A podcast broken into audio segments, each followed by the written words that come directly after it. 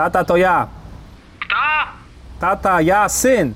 Ja nie chcę żadnych ulotek, wypierdalaj pan stąd. Tata, syn twój. A, synek. Dobra już, dobra. Który to był? Tata, są tylko dwa, ten na górze, no. Kurwa, nie mam okularów, nie wiem co nacisnąć. Czekaj, już, o, dobra. Wchodzisz?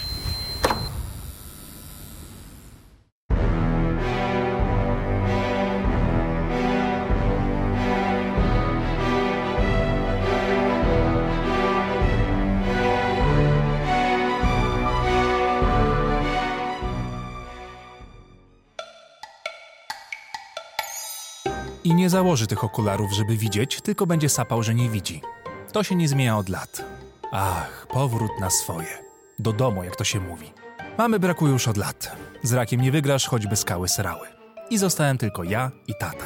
No i siostra, ale o nie kiedy indziej. Chociaż chyba powinien powiedzieć ojciec, bo jednak nauczony respektu nie umiem inaczej. Tylko w myślach mówię tata, na żywo się boję. Nie wiem dlaczego, ale nie przystoi. Więc zawsze w formie bezosobowej albo na ty, żeby unikać używania danego zwrotu. Żeby z własnym rodzicem kombinować, jak się przywitam. Paranoja. I tak od najmłodszych lat. Zapach męskich perfum. Bond albo jakiś sikacz z biedry. Mogłem mu jakieś fajne kupić na święta zamiast whiskacza, którego i tak zmiesza z kolą. I co roku, jak zawsze, zapominam. Ale przynajmniej wiem, że jest w domu. Jesteś? Poczekaj sekundę, sram synek. I ta kulturowa, pokoleniowa bezpośredniość. Jak chce powiedzieć, że mnie kocha, to powie naokoło jak tylko się da. Ale jak wali kloca i ja nie chcę o tym wiedzieć, to oczywiście wali prosto z muru. Kolejny element, który mogę tylko zaakceptować. Walka z nim nie ma sensu.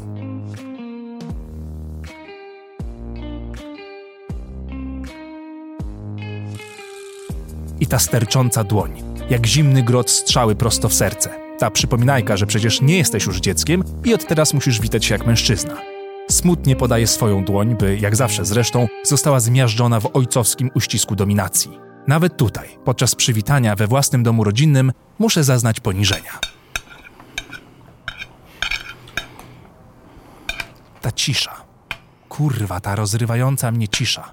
Że przecież przyszedłem powiedzieć coś o sobie, życiu, moich ostatnich ważnych dla mnie chwilach. Ale i żeby dowiedzieć się, co u niego, jak się czuje, czy wszystko dobrze, co ze zdrowiem, czy radzi sobie. I nic. Cisza. Żaden z nas nie chce zacząć. I tutaj wychodzi to piekielne wychowanie, żeby nie okazywać emocji. Że uśmiech, płacz czy ciepło to słabość, bo te emocje nie przystoją facetowi. No więc siedzimy jak te dwa słupy i czekamy, jeden na drugiego, żeby zacząć dialog. Byle nie osobisty, wiadomo. I zawsze zaczyna tata, w sensie ojciec. Jak tam w pracy, synek? Dobrze. Tak? Mhm. A płacą chociaż regularnie? Tak. No dobrze, ważne, żeby na czas było. A o podwyżce jakoś coś? Nie, bo za krótko tam siedzę jeszcze. Jak się o swoje nie doprosisz, to nigdy nic nie wywalczysz i będziesz tkwił jak palec w dupie. Nie siorb, synek, nie siorb.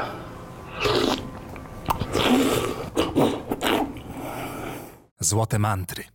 Powiedzonka z ery coachingu PRL-u. Ileż ja się tego nasłuchałem w życiu. Tych porad, mądrości, wykładni, kodeksów. Prawdziwy dekalog na dziesiątkach tablic. Do dziś pamiętam wiele z nich. Chory jesteś, chory, ale przy komputerze to siedzisz, tak? A ty w tej szkole to też taki mądry jesteś, tak? Synek, będziesz dorosły, będziesz miał własną rodzinę, to będziesz robił co chciał. A teraz to masz mnie słuchać. A co zrobisz, jak mnie zabraknie? Co zrobisz? Bardzo ciekawy jestem, no? Ja już znam ten wzrok. Znam. Nie mam pieniędzy. Nie mam. Żebyś ty się, synuś, tyle uczył, ile przy komputerze siedzisz. Hmm. Nie będziesz, gówniarzu, tego domu traktował jak hotelu, rozumiesz? Punkt 22 widzę cię w domu. Zrozumiano? Ile razy powtarzałem, zamykaj lodówkę, bo rozmrozisz? Jak ci się nie podoba, to się wyprowadź. Zapraszam. Synuś, daj. To był chiński sprzedawca jaj. Synek, ja nie sram pieniędzmi. Od kiedy mamy nie ma, ojciec żyje tylko ekranem. I ja to trochę rozumiem. Ucieczka, jak od wszystkich emocji, kiedyś i teraz. Byle nie pokazywać, co się czuje. Jak zawsze. Szacunek i chłód. To pamiętam z najmłodszych lat. I to jebane trzymanie latarki podczas naprawiania czegoś. Czy to szafki, czy zaglądania do silnika Fiata, Chryste, prawie robiłem wtedy w gacie. I jakbym nie zaświecił, to zawsze źle. Zawsze. Po dzisiaj mam ciary, jak włączam latarkę, że ktoś mnie zaraz za coś opierdoli. Strasznie to siedzi na bani.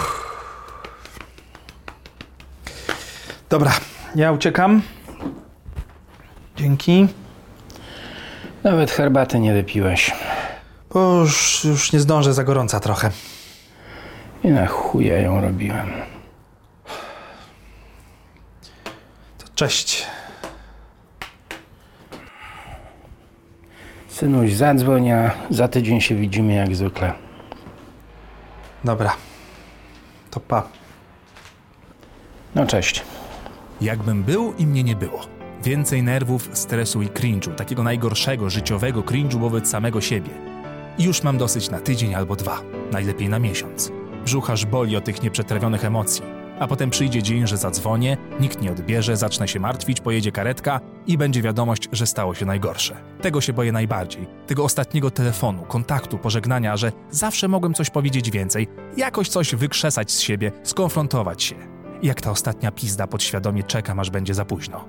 Bo jednak boję się powiedzieć, co czuję. I tak do grobowej deski. Jego i swojej. Co tydzień, co miesiąc, co piątek.